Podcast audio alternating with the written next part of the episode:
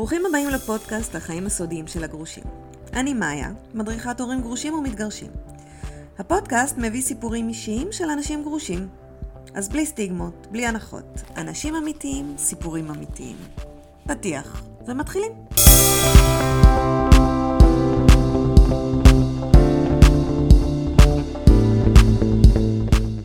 אנחנו ממשיכים עם הסיפור של חן, חלק ב'.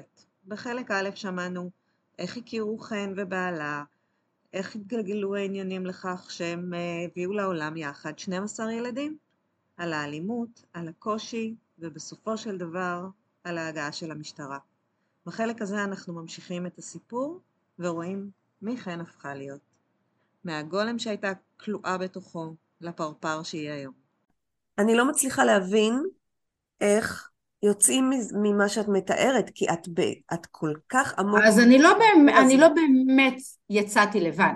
הייתה לי חברה, אז הייתי בשליחות חב"ד, חברה חב"דניקית מדהימה, היא בין החברות הכי טובות, בין האנשים שאני הכי אוהבת, פה ואני עדיין באותו יישוב, באותו בית, שעבדתי אז כסייעת וכגננת בגנים, הילדים שלי היו שם איתי, ו- ואני כבר הייתי במצב, יש מצב רגשי כזה שאת כבר כל כך איבדת את הזהות שלך, אין לך, שום, אין לך רצון לחיות, אין לך רצון לתפקד, אין לך רצון לכלום, זאת אומרת, את מאה אחוז רובוט אוטומט.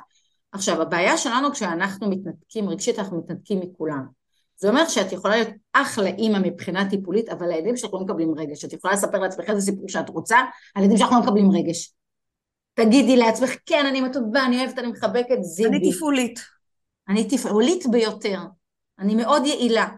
כן. רגש אין שם. אני יכולה לעשות את כל, ה, את כל המסכה כאילו יש שם אימא שהיא, שהיא, שהיא מרגישה והיא חמה ואוהבת, אבל לא.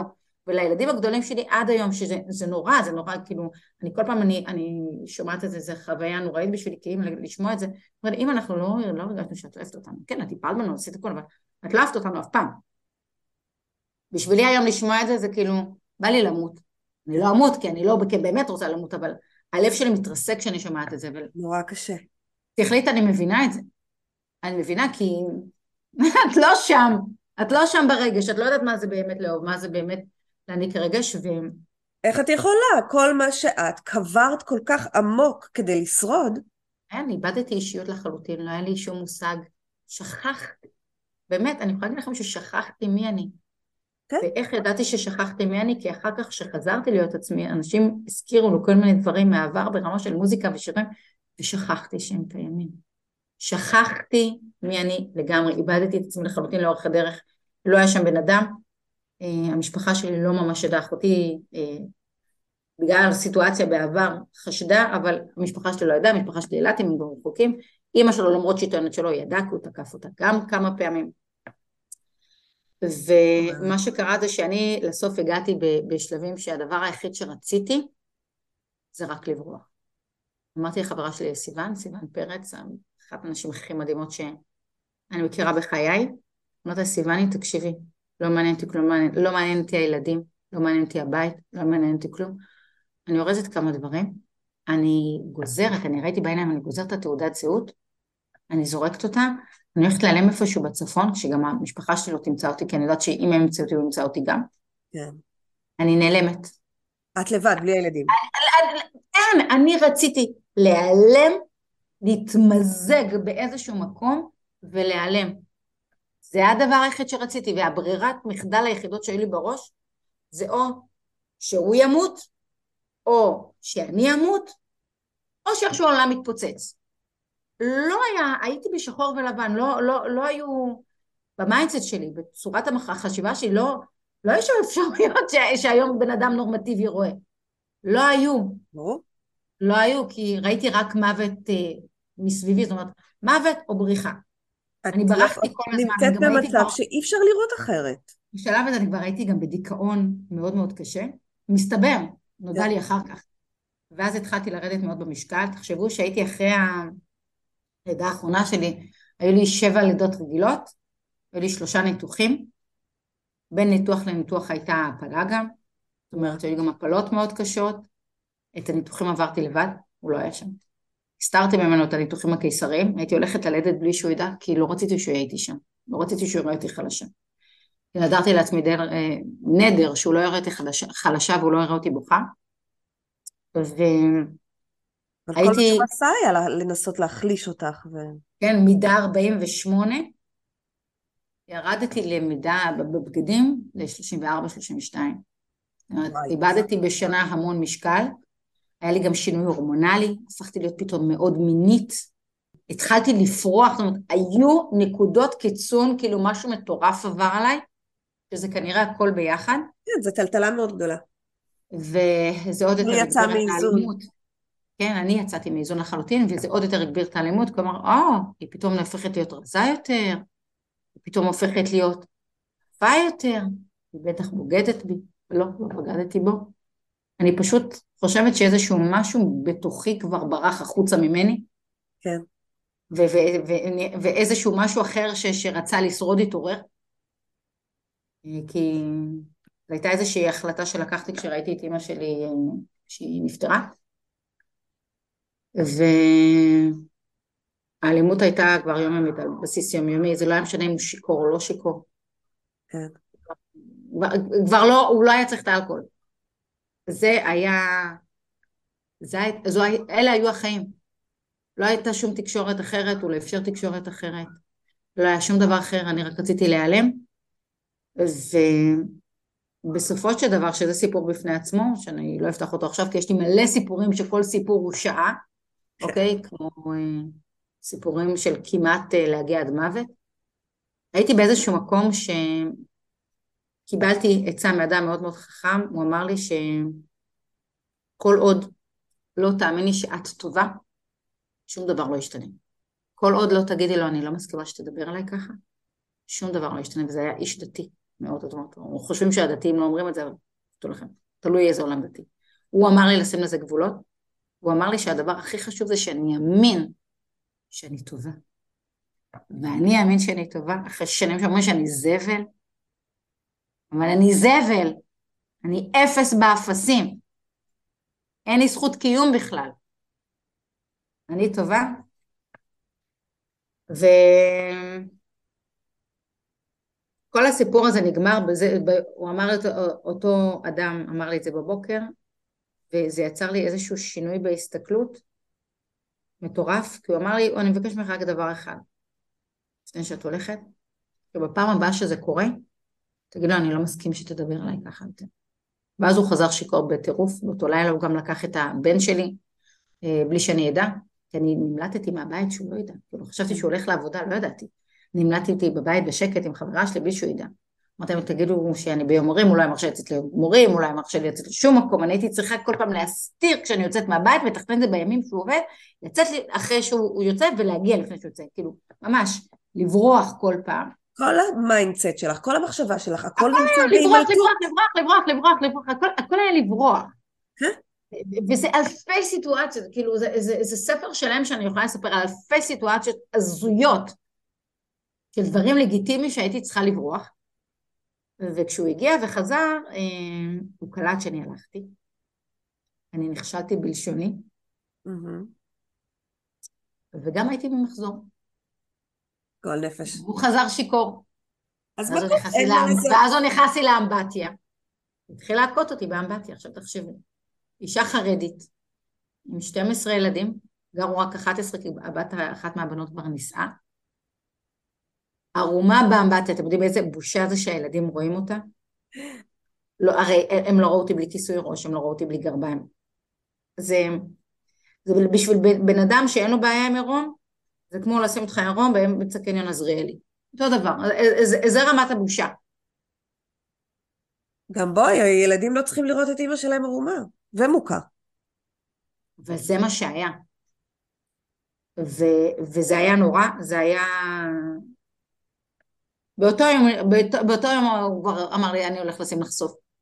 באותו יום הוא כבר אה, ניסה לחנוק אותי, וזה זה כבר היה כבר בקטע יאללה. הוא אמר לי, אחד, באחד מהפעמים שהוא אמר לי, זה היה איזשהו קטע, מה היה?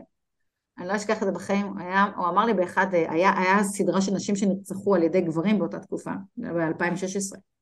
כן. אז הוא אמר לי, את צריכה להגיד לי תודה שלא רצחתי אותך עד היום.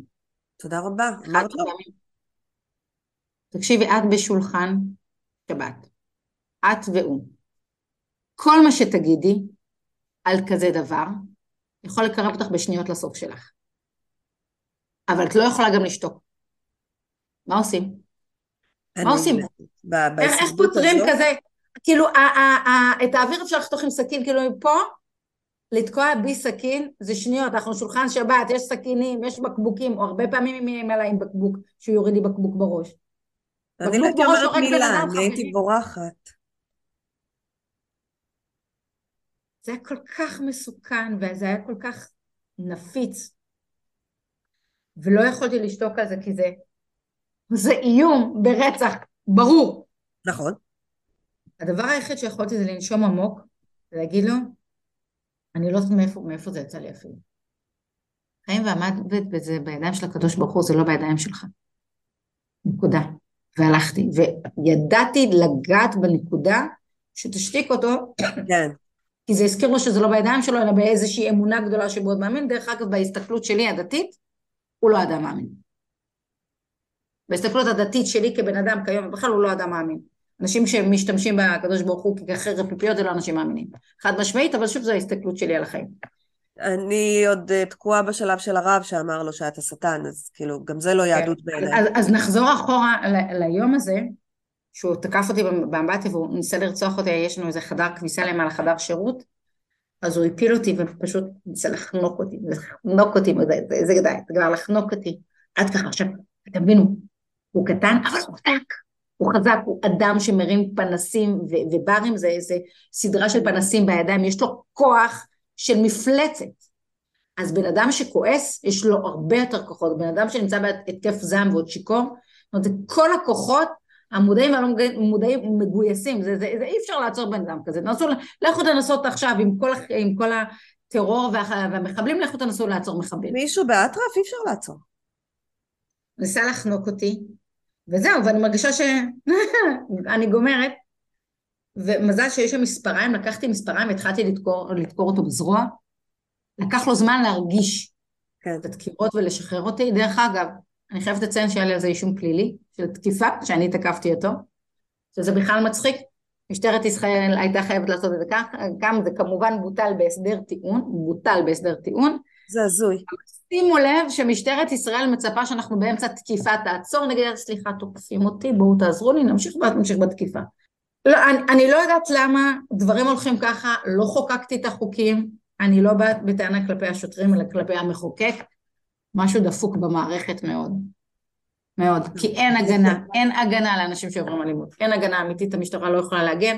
אני התלוננתי כמה פעמים אחר כך על דברים שהוא איים וניסה לעשות ואיים לילדים, וכל פעם זה בוטל, בוטלה האשמות בגלל חוסר ראיות, או חוסר עניין לציבור, או כל מיני כאלה דברים. אמ, בכל מקרה, בואו תחזור לאותו ערב. כן. אחרי שהוא הרגיש והוא קילל אותי על מה שעשיתי, הוא לקח ככה, את יודעת, הוא לקח את היד שעם הדם, ולקח על כל הקיר, בוקרת אותי, מה שהוא עושה הכל בסדר, הוא בטל או בטל, אבל במרח על כל הקיר.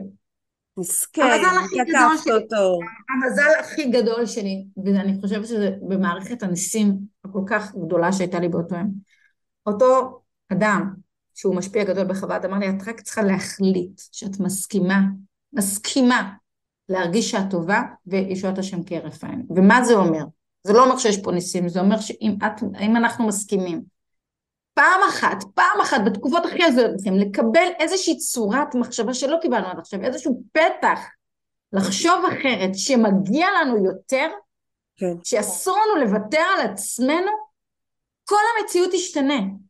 כי הכל מתחיל בראש. לחלוטין. הכל מתחיל, והיה לי קשה לקבל את זה, אבל מכיוון שהייתי מאוד דוסית, אמרתי, טוב, אם הוא אומר, ואולי הקדוש ברוך הוא חושב ככה, אז אולי. הסכמתי לקבל את האופציה שאולי יש בי משהו טוב, אולי. זה היה מאוד, אבל הסכמתי להביט על המציאות באופן קצת אחר. קצת אחר, שזה הכל זה עניין של mindset, הכל עניין של תודעה. ולכן גם היה לי את האומץ להגיד לו, אחרי שדקרתי אותו כי הוא ניסה לחנוק אותי, והוא ירד לקומה התחתונה, בעד שם זה שתי קומות, אל תדבר עליי ככה יותר. אמרתי לו בשקט, אל תדבר עליי ככה יותר, כי זה מה שאמר לי בבוקר, כן. והייתי צריכה המון אומץ בשביל כי פחדתי, שקשקתי להגיד את זה. את לא יודעת מה תהיה התגובה? החלטתי פעם ראשונה, פעם ראשונה בחיים החלטתי להמר על עצמי. פעם ראשונה בחיים החלטתי להמר על עצמי. להיכנע למשהו גדול יותר. כי מישהו שמאוד שמחתי עליו אמר את זה. כן. וזה הטריף אותו. הוא התפוצץ כמו מטען חבלה, הוא עלה למעלה לכסח אותי. או-אה. לכסח אותי. המזל שלי, הבת הגדולה, הכניסה, דחפה את כל הילדים לחדר, שתי הבנים שהיו אה, נערים, התחבאו במיטות למטה. תחשבי שכל הסיטואציה הזאת, הילדים עומדים בחדר, צורכים, בוכים, ילדים צורכים, צורכים, בוכים, מאחורי דלת נעולה. היא פתחה את הדלת, משכה אותי לתוכו, סגרה את הדלת ונעלה, אנחנו, אנחנו ישבנו עם הגב כנגד הדלת, הוא ניסה להדוף את הדלת ולפתוח אותה, כי הוא אמר, עכשיו, לחשוף. ניסה לחשוף. סוף.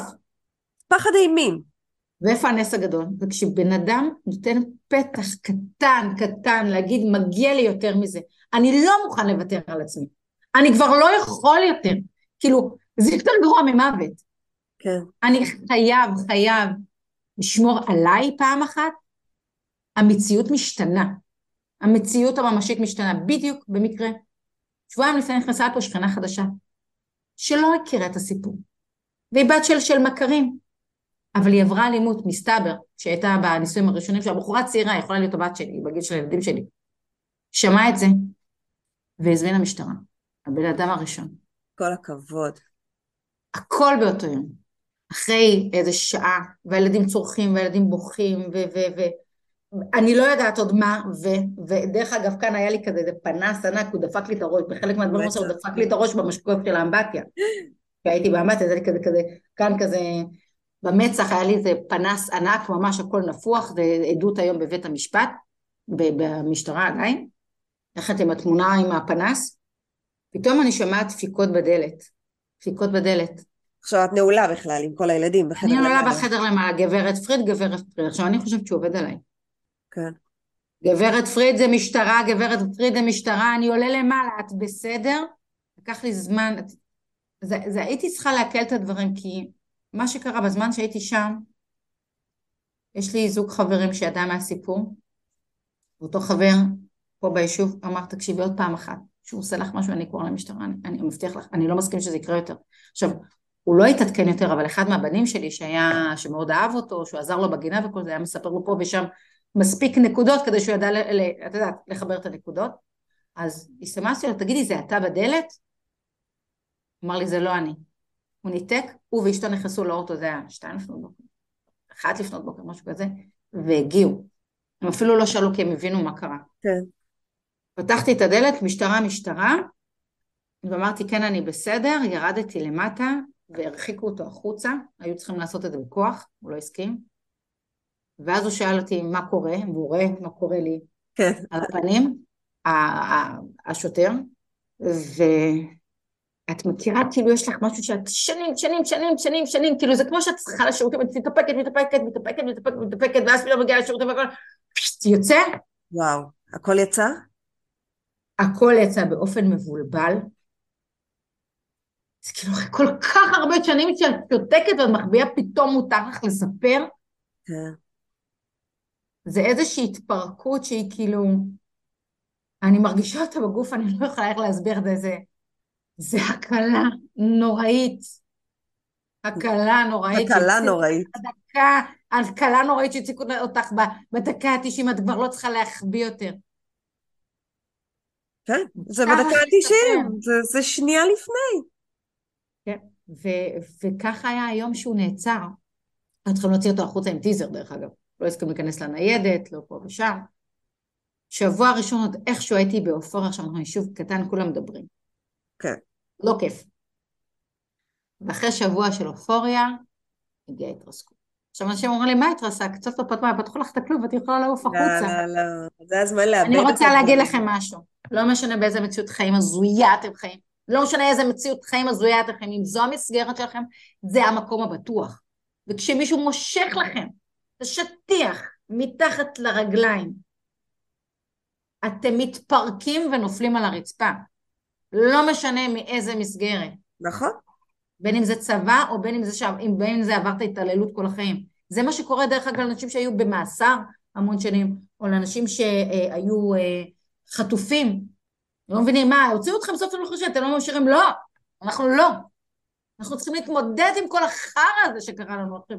מה זה? איך, איך אני מתחילה להתמודד עם כל האמת הזאת שאני פתאום הסכמתי להודות בה שקרתה לי? איך אני מתמודדת עם זה? ויש ילדים שצריך לדאוג להם לאוכל. הוא עבד, אני לא עבדתי, עבדתי, אבל כמה קיבלתי? 1,500, 2,000 שקל, בואי. משפחה עם 11 ילדים בבית. כן, בית ו-11 ילדים בבית. כן. וכל העניין הזה גם לא סיפרתי לאבא שלי ולאחותי, אמא שלי כבר נפטרה. לא סיפרתי לאבא שלי ולאחותי כי התביישתי. אחרי שבועיים שכבר לא היה לנו כסף לאוכל, לא היה כלום, לא היה שום דבר בבית. התקשרתי לאחותי, אמרתי לה, טומי, תקשיבי, אני צריכה לספר לך משהו. גיא בכלא. גיא נעצר, סיפרתי לה בנקודות ככה, שמרתי על פאסון, ואז אחותי אמרה, שו, איזה כיף, איזה מזל, כמה חיכיתי לזה. כי פעם אחת שהייתה בת 14, אתם זוכרים את המכות עד שהוא נתן לי כשהייתי בהיריון עם ה... אמרתי, כשהייתי באחד מההיריונות השניים? למה היא הייתה כמה בחוץ, לזה? היא הייתה לא בחצר? היא הייתה בחצר, היא שמעה. למה לא עשיתי כלום? לא את, למה אחותך? היא הייתה בת 14, היא הייתה ילדה, היא פחדה לספר להורים שלי. לא, ואת מעמידה ילד בכזאת סיטואציה, מה את מצפה מילד? אנשים באים, אתם אומרים לילדים שעברו אונס, ילדים שעברו התעללות, ילדים שעברו הטרדה, ילדים שעברו חרם, למה לא סיפרתם להורים? ילד מתבייש, איך אתם מצפים שהוא יספר להורים אם ההורים זה לא המסגרת הבטוחה? באיזה ללנד אתם חיים? אתם לא הורים שהילד בוטח בהם. במי הוא בוטח? אין לו במי לבטוח, למה שהוא יספר? לפעמים יש גם איזה קטע עם ההשלמה האישית, אתה, אתה בעצמך, לא, לא לעצמך אתה לא אשם. מספר. אבל גם ילד חושב שהוא אשם בצורה אוטומטית. כן. מגיעים לילדים בטענות, כאילו, אני, אני מתה מזה. למה לא סיפרת? איזה סרט אתה חי? הילד לא בוטח בך, הוא לא בוטח בעצמו, למה שהוא יספר? הוא עושה את הדבר הכי אוטומטי שיש, הוא מתכנס לתוכו. מה, אנחנו כמבוגרים לא עושים את זה? איך את באה בטענות לילד? וזה מה שקורה המון אצל ילדים גרושים דרך אגב, שהם רואים את, ה, את המקום הזה, שיש ויכוח בין ההורים. לא כל הגירושים הם גירושים יפים, רוב הגירושים הם גירושים לא יפים. אני מכירה גירושים יפים, הם מעטים. הם רוב הגירושים נדירים. הם לא יפים. והילדים נמצאים באמצע, והם צריכים כל הזמן לבחור בין אימא לאבא, והם צריכים כל פעם להחליט בין בית לבית. והם לא בוטחים באף אחד, לא והמציאות בוטחים שלהם היא אחד. היא של מישהו סודות שואל אותם אם הם והסתרות. בחרו במצב הזה, אם הם רוצים להיות שם? מישהו אי פעם שאל אותם, מה אתה מרגיש שאתה צריך להתנייד, או מה אתה מרגיש כל פעם שאתה שומע את הדברים? מה אתה מרגיש? הילדים הקטנים שלי, יש לי ילדה אחת, הכי קטנה, היא עדיין לא אוהבת את אבא, אבל האחים הגדולים שלה אומרים, מה את אוהבת אותו? בן אדם דפוק, הוא רע. מה היא יכולה להרגיש? האחים הגדולים שלה, היא נושאת אליהם עיניים, מה היא יכולה להרגיש? נכון, היא אוהבת את אבא. אז זה לא אוהב את אבא, זה לא בסדר. בדיוק. שלא מה יכולה זה להרגיש? לא בסדר. מה אתם מצפים מילדים שגדלים במציאויות כאלה? שהם יהיו בסדר מבחינה רגשית, שיהיה להם קל, שלא יהיה להם בעיות חברתיות או לא יהיה להם בעיות לימודיות אחר כך, שהם לא ישחזרו את אותו הדבר, אתם חיים בסרט. אותו דבר בדיוק. הם לא יודעים דברים אחרים. ואני לא מאשימה את ההורים.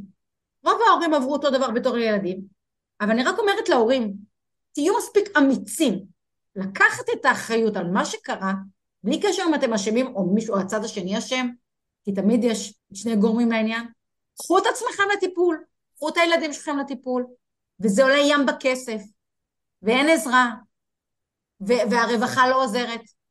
כל מי שחושב שהרווחה לא עוזרת, הם רק עסוקים לחפש אשמים כדי שלהם יהיה את הכסת"ח הממשל, הממשלתי, הם גם לא נותנים תקציבים, הם לא עוזרים. צריך לא למצוא מספיק. את הדרך מעל הטבע, מעל הטבע, כי זה בלתי אפשרי להורים כיום במצב הכלכלי לייצר לילדים טיפולים רגשיים, עם העלויות, עם המצב הכלכלי, בעיקר שאתה חד-הורי, בין אם אתה משלם מזונות, בין אם את אחת שמקבלת מזונות או לא מקבלת מזונות, אבל זה מה שצריך לעשות. ולא תמיד אפשר לעשות את זה ביחד, ולא תמיד אפשר לעשות את זה בזמן. אבל ככל שהזמן עובר והעניין לא מטופל, הוא נעשה יותר גרוע. אז רגע, שנייה, אני חוזרת איתך לרגע שהודעת לאחותך והיא אמרה שהיא שמחה. היא הייתה מאושרת, היא דיברה עם אבא שלי, אני אמרתי לה, רק תעשי לי טובה אחת, תכף לנו... היא רק אמרה לי דבר אחד. אמ, תסבירי לאבא, הוא לא יכעס עלייך, אמרתי לה, תקשיבי, טומי, אני, הוא במצב שאני מסוגלת לקבל את הביקורת שלו עכשיו.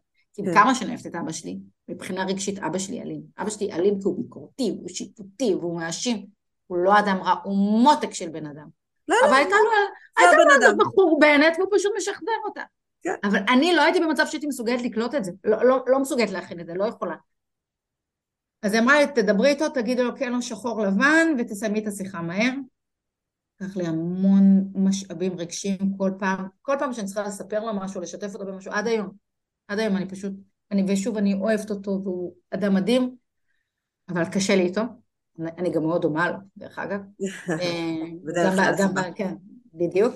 אמרתי לו, אבא, תקשיב, גיא בכלא, הבנתי שתום סיפרה לך, אבל אה, אין לי כסף לאכול. המשכורת האחרונה של גיא בדיוק הופקדה לפני, אין, אין לנו כסף לאכול. תקשיבי, אני יודע. למה לא אמרת לי, כאילו, הייתי מגן עלייך והוא התחיל לבכות, שזה עוד יותר גרוע. כשההורה שלך מתחיל לבכות ואומר למה לא אמרת לי, הייתי רוצה לעזור, וכאילו, אני תמיד הייתי זקוקה לעזרה הזאת, ולי לא היה אומץ לבקש. הוא לא הרגיש, והוא לא הרגיש לי כבן אדם שיכול לתת לי את זה, כי במקום להגן עליו, הוא היה רק מגיע ו- ומצר עוד ביקורת. כן, הוא אומר לה, כאילו איך הכנסת קשר עצמך של לשם? אהבה שלא ניתן לממש אותו, כי יש שם כל כך הרבה ביקורת ושיפוטיות, ולמה, what the fuck, למה זה צריך להיות ככה? ו- וזה כאב עצום, ואני אומרת לך, ויש לי דמעות בעיניים עד היום, כי זה משהו שאני לא מצליחה לגשר איתו, למרות שאני אוהבת אותו אהבת נפש, וזה משהו שאנחנו כהורים צריכים לנסות להוציא מתוך המערכת, הביקורת, השיפוטיות, ההאשמה הבלתי נגמרת לילדים, כי בזמן אמת הם לא ידעו לבקש מאיתנו עזרה. אנחנו האדם היחיד שהם יכולים לעזור להם באמת. הנה את הדוגמה, היחיד שיכול לעזור להם באמת. למה קורה כשאתה מעביר ביקורת, כשאתה מגדל ילד בביקורת. בדיוק. אז תקבלו את החרא? שלהם. אתה לא תקבלו את. החרא שלהם, הם יעשו אותו בכל מקרה. תקבלו את כל הפאקים, הם יעשו מה שהם רוצים, הם לא שואלים אתכם בכלל.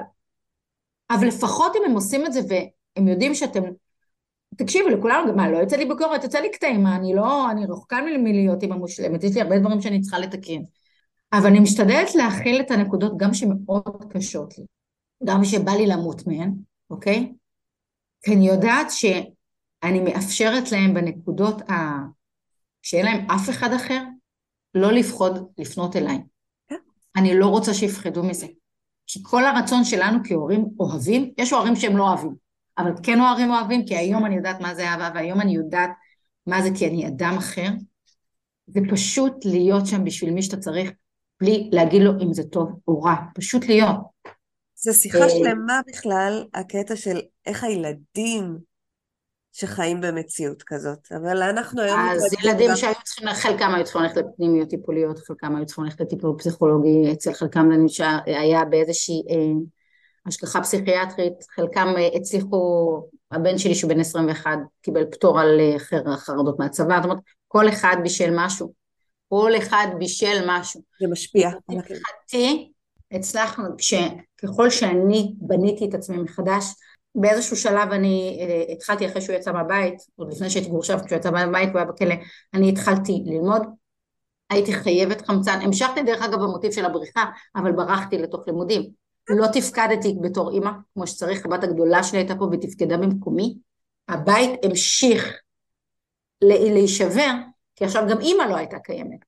כי אני לא יכולתי לתפקד, אני הייתי במסלול של, של, של בריחה מתוך, מתוך המצב, לא אבל יכולתי בשלב להתמודד. כזה, כשאת באמת... זה שלב כזה, אבל כשיש לך ילדים, לא, אני שואלת, הם משלמים את המחיר. עד שגם דפקו מדלתות הרווחה ואמרו לי, יקרה, או שאת מתאזנת, או שהם יוצאים. אני הייתי צריכה להילחם עליהם, רגע, אבל הם לא עזרו לך, הם לא נתנו לך עזרה בשלב הזה, הם רק איימו. הם לא, נות- נכון, זה לא קשור. זה שנציגי המדינה גם לא נותנים עזרה, זה לא אומר שאין להם את הזכות להוציא ילדים מהבית, זה לא קשור. בסדר, אבל. אני- אני פשוט מנסה לראות אם יש איזושהי עזרה בשלב הכל כך קשה אין, הזה. אין, אין, אין עזרה. העזרה היחידה שהייתה, זה הייתה עובדת סוציאלית מטעם מנע, מניעת אלימות במשפחה, אוקיי, שעבדה עם הרווחה ועם המחלקה הסוציאלית במשטרה, אוקיי. שהיא בעצם עבדה עליי להתגרש. אני בכלל לא הייתי במקום של להתגרש, לא חיפשתי להתגרש. אני חיפשתי שלום בית. אני לא הבנתי, את רצית שלום לא בית? הבנתי. אני כן, אה, תבינו, כשהוא נכנס למעצר ראשוני ואחר כך לכלא, אני לא חשבתי שהסיפור נגמר, חשבתי שזה זמני ואנחנו ננסה לתקן את זה. בן אוקיי. אדם שנמצא בתודעה של עבד או שפחה, שהוא משועבד לאדם אחר, לא יכול להכיל חופש. לא יכול להכיל חופש. בן אדם שמוציא אותו מהכ... מהכלא לא יכול לחיות חופש, הוא יישאר סגור בבית. בן אדם שאנחנו מוצאים, החטופים שמביאים אותם לארץ, אוקיי, אחרי חטיפה, שבויים וכאלה דברים, אם הם לא יעברו, יעברו טיפול, הם לא יכולים להתחיל בחיים נורמטיביים. מי שיש לו תודעה של עבד, של, של שפחה או של, של אה, קורבן או של אה, אסיר, לא יכול לשחרר את עצמו משם. צריך טיפול לשחרר אותך משם. הכלא נמצא בראש. וואה, אוקיי. הכלא לא נמצא רק בבית, הכלא בראש. זה מדהים. מדהים מה שאת סיפרת, באמת. את יודעת כמה היום לפעמים קשה לי בימים מסוימים לצאת מהבית? עדיין? רק מפתח הבית. אני שולחת את הילדים לזרוק את הזבל. את יודעת מה זה בשבילי לצאת להליכה? זה כל פעם מתגבר מחדש. עדיין. כמעט שבע שנים אחרי. אחרי ארבע שנים של טיפול. עבודה יומיומית. טיפול מחודש חזר. כל הזמן. הכלא הוא בתוכנו, אנחנו הוכנסנו לכלא, המשכנו להכניס את עצמנו לכלא, ולצאת החוצה ממעגל האלימות שנמצא, הוא, הוא בלתי אפשרי, כי כשהאלימות מפסיקה מבחוץ, אנחנו מתחילים להיות אלימים כלפי עצמנו. אה, חד משמעית, מי שחושב שברגע שמוצאים ילד או אישה או גבר במסגרת חיים אלימה, אז זהו, הם חופשיים. מה פתאום? זה הפייק הכי גדול של הרווחה. אני אמרתי להם כמה פעמים, בן אדם שיוצא מאלימות, דבר ראשון צריך אה, טיפול בהתמכרויות, כי אלימות היא ממכרת. למה היא ממכרת? כשבן אדם נמצא בסטרס מתמיד, הגוף שלו יוצר כל מיני הורמונים שקשורים לסטרס. נכון. והוא מתמכר להורמונים האלה. הגוף רגיל להיות בסטרס תמידי, ההורמונים האלה הם ממכרים, בדיוק כמו שיכולה להתמכר לשוקולד, או להתמכר לסקס, או להתמכר לספורט, או להתמכר לטלוויזיה. זה הורמונים מעוררים, ולכן אנחנו נראה בפוסט טראומה, שהחלק הראשון של פוסט טראומה זה עוררות יתר. אוקיי. Okay. אם לא נטפל בהתמכרות הזאת, היא תחפש נתיבים אחרים להתמכרות. זה מהתמכרות להתמכרות. אז יש, אז, אז בעולם הנשי של הנשים, אני לא יודעת מה קורה עם גברים, כי אני לא גבר, אז אני מדבר בשם נשים, אז אנחנו נראה נשים או שהן מתמכרות לאכילה רגשית, או שנכנסות לדיכאון ואז הופכות להיות כמעט אנורקטיות, כמו שלי קרה, אוקיי?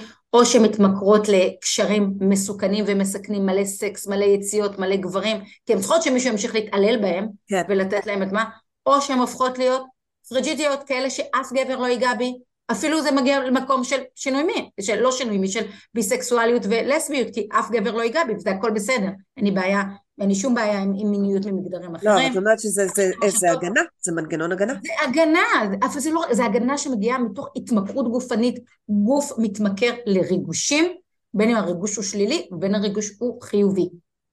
אלימות זה ריגוש. נכון. ריגוש רע. כן. זה דריכות. אבל זה ריגוש, זה... חברים.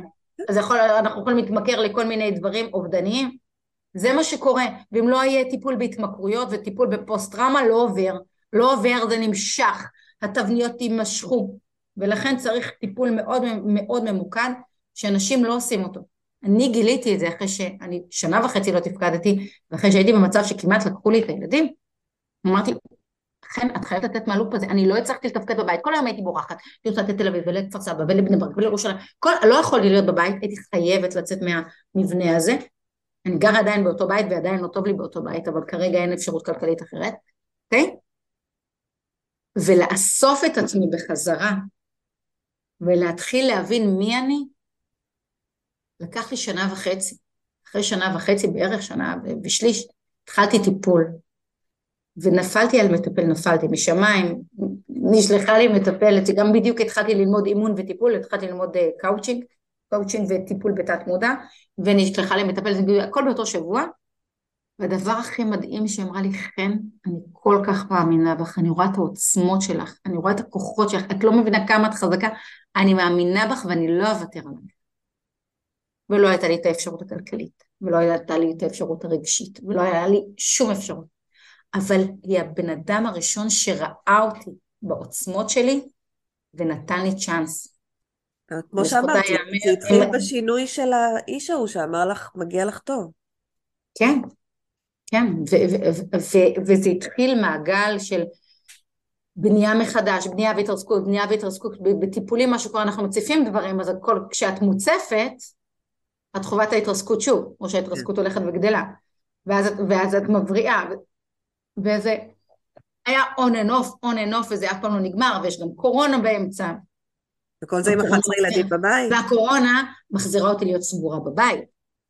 ולא, בינתיים עוד בת אחת, הבת הגדולה שהייתה פה, הייתה חייבת לצאת לחיים שלה, כי היא מבחינה נפשית, תחשבי, בחורה בת עשרים ומשהו לא צריכה להיות אימא לילדים, היא נחנקה רגשית, היא הייתה צריכה לעבור את הטרנספורמציה. כל אחד מהילדים פה שילם מחיר מאוד מאוד גבוה, הילדים הקטנים כיום הם, הכי, הם מטופלים הכי הרבה, כי כיום אני במקום אחר. כן. היום אני במקום אחר, אז יש לי יכולת לטפל יותר אה, בילדים. ו... הוא היה בכלא כמה זמן?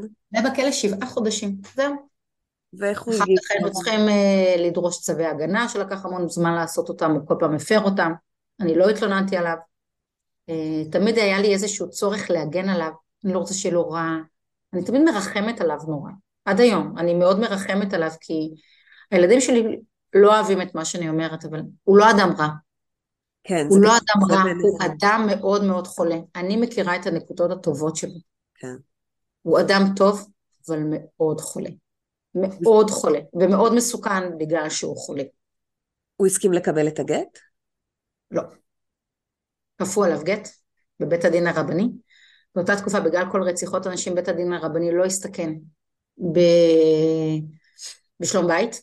כן. אוקיי, היה תיק פלילי פתוח, עם תיק פלילי פתוח, פתוח בית הדין הרבני חייב, ואם, ואם גבר בכלא, אוקיי? כי הדיון נקבע, אתה לא מקבל גט ישר, חיכינו שנה לדיון בבית המשפט. אה, הם לא יכולים, אסור להם אה, לכפות עליי שלום בית מבחינה חוקית. זה מה שהיה לטובתי. הוא לא רצה לקבל גט, כפו עליו גט, ובמעמד הגט הוא פסל את הגט הראשון, כי צריך, בגט הרי צריך את כל התהליך, הוא פסל את הגט הראשון, ואז הרבנים אמרו לי שם, כי שנינו נורא בכינו, זה היה נורא כואב. אמרו לי, אז אולי בכל זאת תנסי. יש לי מזל שלי, באמת נשלחו אליי שליחים טובים וחברים טובים לכל אורך הדרך. חברה טובה הזהירה אותי שזה עלול לקרות, היא אמרה לי, תקשיבי, קרה ככה וככה לחברה שלי, תיזהרי שלא יקרה ככה וככה וככה. כאילו, כאילו נשלחה. אליי משמיים. וזה הכל קרה בדיון ראשון. ו... ובדיון ראשון לא מקבלים גט. אבל שוב, אני, אני אומרת לך, יש לי שפע של ניסים. כאילו, יש לי איזושהי השגחה אלוקית מאוד גדולה, כי אני תמיד בדקה ה-90 מצליחה להימלט. זה המוטיב של חיי. בדקה ה-90 אני מצליחה להימלט. למה צריך לחכות לדקה ה-90? זו שאלה טובה. זו שאלה כבר ששואלת, אה, שדורש מטפל, מטפל צריך לדבר עליו. למה את צריכה לחכות עד דקה ה-90? זה איזשהו מוטיב של הרס עצמי. נכון. היה בטוחים מאז שאני ילדה. בדיוק, מאז שאני ילדה, ולכן כשכל רוב הטיפולים זה לא מול מה שהגרוש שלי, ולי קרה, אלא מה קרה בילדות שלי. אני אמרתי להם שאני לא יוצאת, גם אם מזמינים משטרה, אני לא יוצאת משם מהרבנות עד שלא נותנים לי גט. מזל שהודרכתי לפני, כי אני הייתי תמימה, ברור שהייתי יוצאת. אבל תראי איזה כוחות יש לך. יש לי כוחות, יש לי ניסים, יש לי, יש לי צביר של, של כל כך הרבה דברים שם שבסופו של דבר מביאים אותי לאיזושהי נקודת מרכוז אחת, שבה אני עוסקת כיום. אני עוזרת היום לאנשים לבטא את עצמם בביטחון, בחופשיות, בלי בושה, על מה שהם עברו ועל מה שהקהל שלהם עובר, כדי שהם יוכלו לעזור לקהל שלהם לעבור את אותו הדבר גם. כדי שהם יוכלו לעזור גם לאנשים אחרים שעוברים את אותו הדבר, שאין להם את הכוחות ואין להם את האומץ או אין להם את הדרך או את הידע איך להתמודד עם השיט הזה ולהתחיל חיים חדשים. מה, למה אני עושה את זה?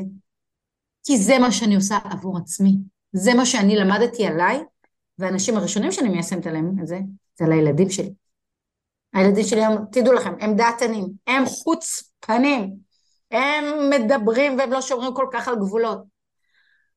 אבל זה לא מאיים עליי. אני שמחה שלילדים שלי יש את הביצים ויש את האומץ להגיד את מה שהם רוצים. גם אם נריב על זה. גם אם זה ייגמר, בצלילים בזה שאתם חוצפנים וזה הבית שלי ואתם לא תעשו פה מה שאתם רוצים. אני מוכנה לסבול את הריבים, הריבים כבר לא מאיימים עליי, הווליום כבר לא מאיים עליי. עצם זה שהם לא פוחדים להיות עצמם, לדרוש את מה שהם רוצים, אני מאושרת. כי ככה הם יצאו לעולם. נכון. זה אנשים שאני רוצה שלא יוותרו על עצמם. ולא יפחדו מהצל של עצמם, שיכירו מי הם ויחפשו כל החיים מי הם רוצים להיות, וישאפו להגיע לשם, ולא יוותרו על עצמם לאורך הדרך. חבל, כי אני התחלתי את זה בגיל 41, למה להתחיל את זה בגיל כל כך מאוחר? אה, מה עם ההרצאה שלך? אני מגלה לכם סוד, אני מגלה אותו רק במעגלים מצומצמים. אני מתחילה לבנות הרצאה, שבוע, ולכתוב ספר ראשון, למרות שאני ככה עדיין מתלבטת מה יהיה שם בפרקים. האם המיקוד יהיה באמת על, על מה שאני עושה כיום, או המיקוד יהיה על מה שאני עברתי בחיים. יש כל כך הרבה סיפורים, נתתי לכם איזושהי טעימה, איזה בריף של 24 שנה, ב... יש מלא סיפורים הזויים שאני מספרת אותם לאנשים, לפעמים אנשים לא יכולים להכיל את הסיפורים שעברתי, לאנשים נגמר האוויר. אז מה, מה, עם מה אנחנו יוצאות מכאן? אנחנו יוצאים, יוצאות עם זה ככה, עם כמה דברים. אם אתם נמצאים באיזושהי מסגרת אלימה, האדם הראשון שיכול לעזור לכם זה אתם לעצמכם. אתם לעצמכם. אתם צריכים לדעת, עם כל הקושי, או לבקש עזרה, או להגיד סטופ, או למצוא איזשהו פתח. רק אתם נמצאים שם. מי שפוגע ימשיך לפגוע, כי הוא נהנה, או שזה מספק אותו, או שזה יושב לו על משהו, לא יודעת מה. אתם האדם הראשון שיכולים לייצר שינוי, לכן חייבים. כמו שאני עזרתי כוח והלכתי למישהו לבקש עצה, היה לי קשה, זה לקח לי עשר שנים, עשר שנים, ועשו את זה. זמן לא חוזר אחורה. והנזקים, איזה נזקים יש בדרך. לבוא ו- ולתקן את הנזקים של ילדים שחוו אלימות רגשית או אלימות פיזית, או שראו את אימא חוטפת מכות כל פעם, כן. זה משהו שצריך שנים לטפל, ותטפלו. תטפלו, אני יודעת שאין כסף, אני יודעת שאין זמן, אני יודעת, אני הכי יודעת בעולם, אין כסף לדברים האלה, אין זמן, אין מטפלים שאפשר לסמוך עליהם, כל כך, הנסיבות החיים כל כך נגדכם, ודווקא בגלל שנסיבות החיים נגדכם, דווקא בגלל זה, חובה עליכם לנצח את נסיבות החיים. לגמרי. לגמרי. וזה בידיים שלכם, זה בידיים של כל אחד מאיתנו. ואנחנו האנשים היחידים שיכולים להצמיח את עצמנו החוצה. אם תיפלו, תיפלו. רק תנסו לקום אחרי זה לעוד דבר אחד ועוד דבר אחד. פשוט, אחרי כל התרסקות, תתרוממו. אל תוותרו על עצמכם לאף אחד, אל תוותרו על עצמכם לעולם. הדבר היקר ביותר שיש בעולם זה אתם לעצמכם, לא שום דבר אחר. ומשם כל האפשרויות נפתחות. גם את כל האפשרויות שאתם לא רואים עכשיו. דרך אגב, אנחנו לא רואים אף פעם את האפשרויות, יש לנו מיליוני אפשרויות כל הזמן, אנחנו לא רואים אותן. אנחנו צריכים לעשות את הצעדים האלה בשביל פשוט להסכים לשנות, ודברים משתנים. הכל אפשרי. נשמעת. מדהים. אני כן אוסיף, אה, מה שאני לקחתי מזה, זה שאם אתם שומעים או רואים מישהו בצרה, תושיטו יד הכי קטנה יכולה להוציא החוצה שנים של סבל. כן. רק יד אחת קטנה. לחסוך גם שנים, של, שנים אה, רבות של סבל נוסף. את הפרטים שלכם אפשר יהיה למצוא כאן ב... למטה בפיד. וואי, אין לי מילים להודות לך. זה היה ענקית. מדהים. באמת, אני, אני ספיצ'לס, אין, אין לי מה להגיד. אני, אני, אני שמחה עלייך, ושאת כאן, ושאת מדברת, ושאת מעבירה את, ה, את הבושה הצד. נכון, כי... כי את לא אשמה. בושה זה אחד האויבים הכי גדולים שלנו. והיא זאתי שמונעת, היא מרחיקה אותנו מעצמנו. אנחנו כל כך עסוקים במה אחרים יגידו עלינו, אף פעם לא שואלים מה אנחנו אומרים על עצמנו. ואם אנחנו נסכים, שנייה לשים את הבושה בצד, או פשוט מאוד אה, להסכים שיביישו אותנו, ולשים את עצמנו שם, אנחנו נבין שיש לנו כל כך הרבה יותר כוחות וכל כך הרבה יותר עוצמה מכל הבושה, מכל הביקורת או מכל נסיבות החיים. אנחנו פי אלף יותר עצמתיים מנסיבות החיים הקיימות. גם כשזה נראה בלתי אפשרי. תודה רבה, חן. תודה לך. אני מאחלת לכם שתחיו בטוב, בטוב עם עצמכם. בן אדם הראשון שצריך להיות טוב זה לכם לעצמכם. אמן. אוהבת מיליון נשיקות. תודה רבה. ביי.